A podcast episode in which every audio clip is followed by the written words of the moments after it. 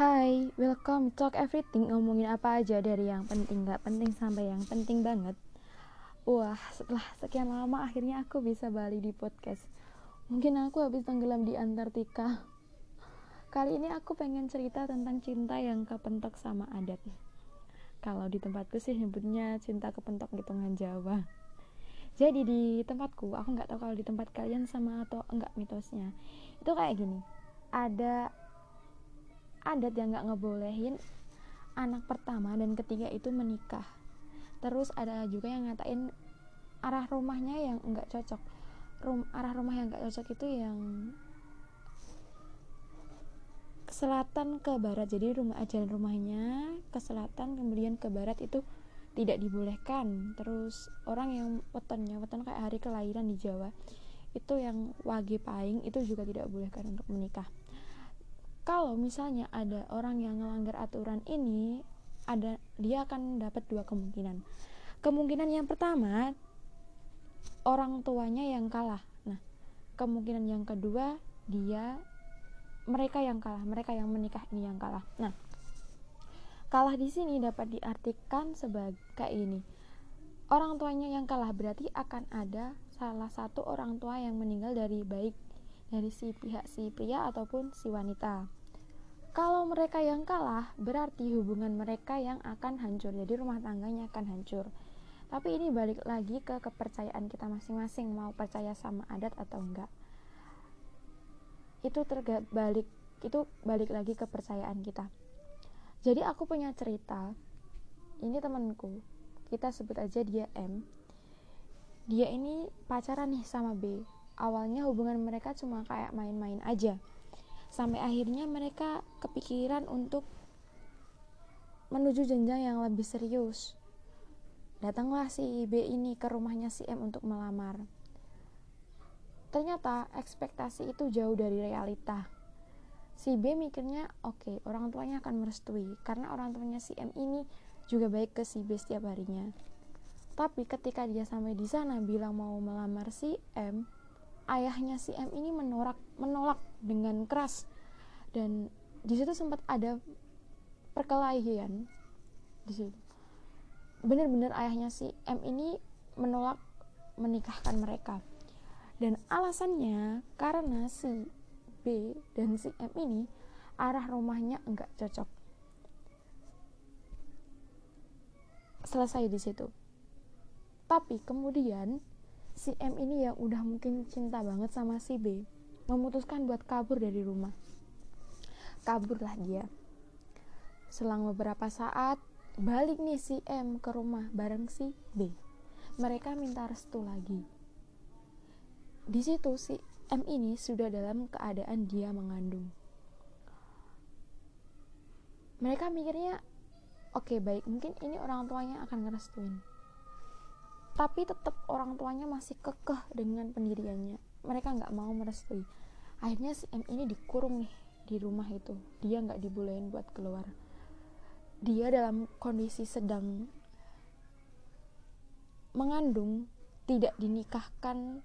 Kemudian hidup seolah tidak hidup. Jadi dia itu benar-benar di rumah ya kayak cuma keluar masuk kamar mandi makan kayak gitu dan orang tuanya tuh bener-bener nggak mau nikahin dia. Akhirnya nih si M perlahan demi perlahan barangnya sedikit-sedikit dibawa ke rumahnya si B. Jadi mereka ini tetanggaan.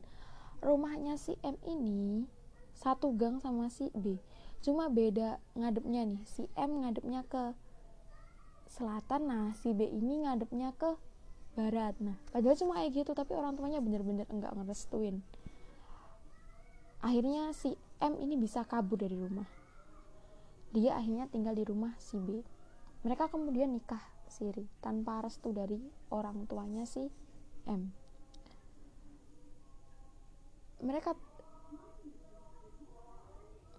akhirnya mereka, mereka bisa menikah pada akhirnya menikah secara sah.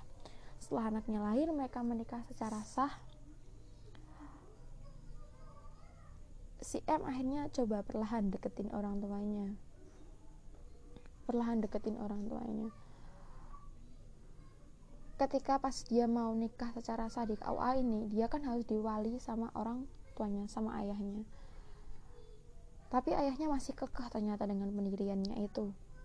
Akhirnya ya setelah sidang tiga kali dia bisa menikah dengan resmi. Dan di situ aku senang banget sebagai temennya.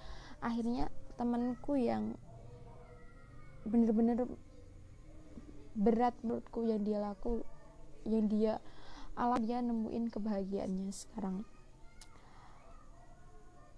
Dalam kasus seperti ini menurutku kita nggak bisa nyalahin siapa pun di sini. Tidak ada yang salah dan tidak ada yang benar menurutku.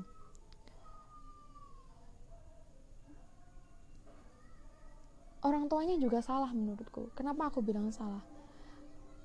Karena anaknya udah dalam kondisi seperti itu loh. Dia sudah yang pertama dia udah secara baik-baik gitulah oke. Okay. tapi yang kedua dia balik dia udah dalam kondisi mengandung. Bukankah kewajiban seorang orang tua itu adalah menikahkan anaknya dengan sesegera mungkin bila anaknya udah siap? Tapi udah mereka udah tahu kondisi anaknya seperti itu tapi mereka masih nekat kekeh nggak mau nikahin anaknya cuma gara-gara adat itu. Oke mungkin mereka pengen yang terbaik buat anaknya. Di satu sisi temanku ini juga salah. Karena yang dia lakuin itu juga menentang norma agama dan juga norma kemasyarakatan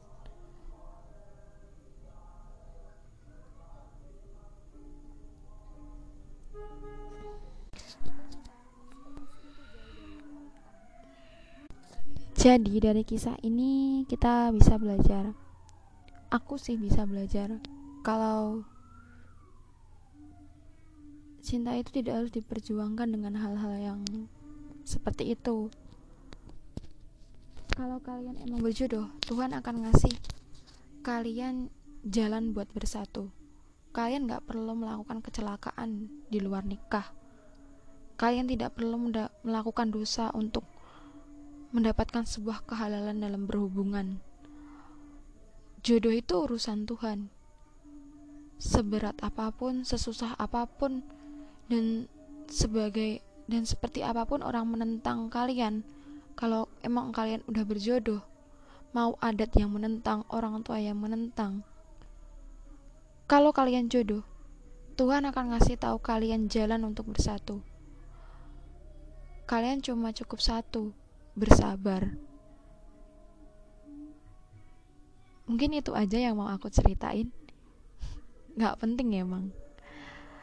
Sampai jumpa di podcastku selanjutnya. Bye bye.